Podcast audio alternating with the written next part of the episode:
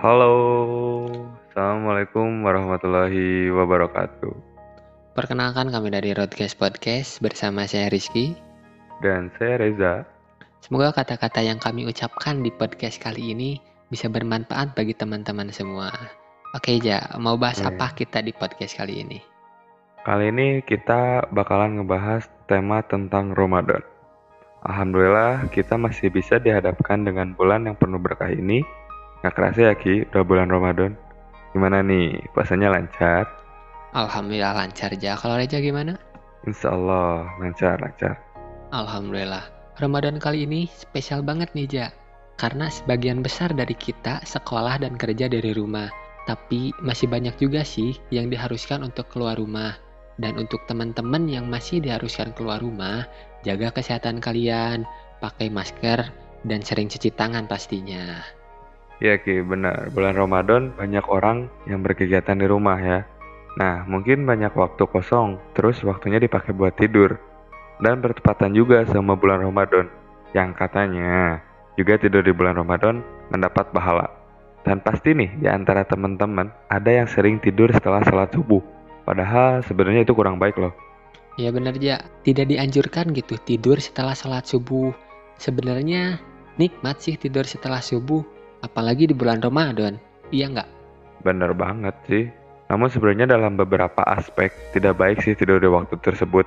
Seperti tidak memperoleh berkah, karena waktu setelah subuh adalah waktu turunnya berkah dan rezeki. Jika kita tidur di waktu setelah subuh, maka kita tidak akan memperoleh berkah.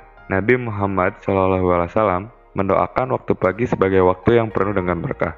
Rasulullah SAW bersabda, Ya Allah, berikanlah berkah kepada umatku di pagi hari mereka. Hadis riwayat Abu Daud, Ibnu Bazah, dan Tirmizi. Al-Hafiz Abu Thohir mengatakan bahwa hadis ini hasan. Dan masih banyak kegiatan yang lebih positif gitu daripada kita tidur. Misalnya nih, kita punya lebih banyak waktu untuk baca Al-Quran. Karena kita nggak diburu-buru waktu untuk pergi kerja atau pergi sekolah. Atau kegiatan lainnya, kita bisa bantu-bantu orang tua untuk beres-beres rumah. Atau sekedar nyuci pakaian kita sendiri. Ya hitung-hitung kita meringankan pekerjaan orang tua kita. Dan sekarang adalah waktu yang tepat kalau menurut saya untuk memperbanyak pahala.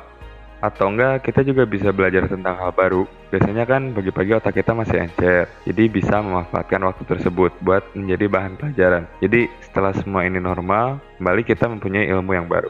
Dan di aspek kesehatan juga sama, tidur setelah subuh dapat menyebabkan terganggunya kesehatan. Hal ini disebabkan di saat pagi hari, metabolisme tubuh mulai bekerja dan melakukan pemanasan. Ketika kita tidur di waktu pagi, metabolisme tubuh yang seharusnya mulai bekerja menjadi terhambat.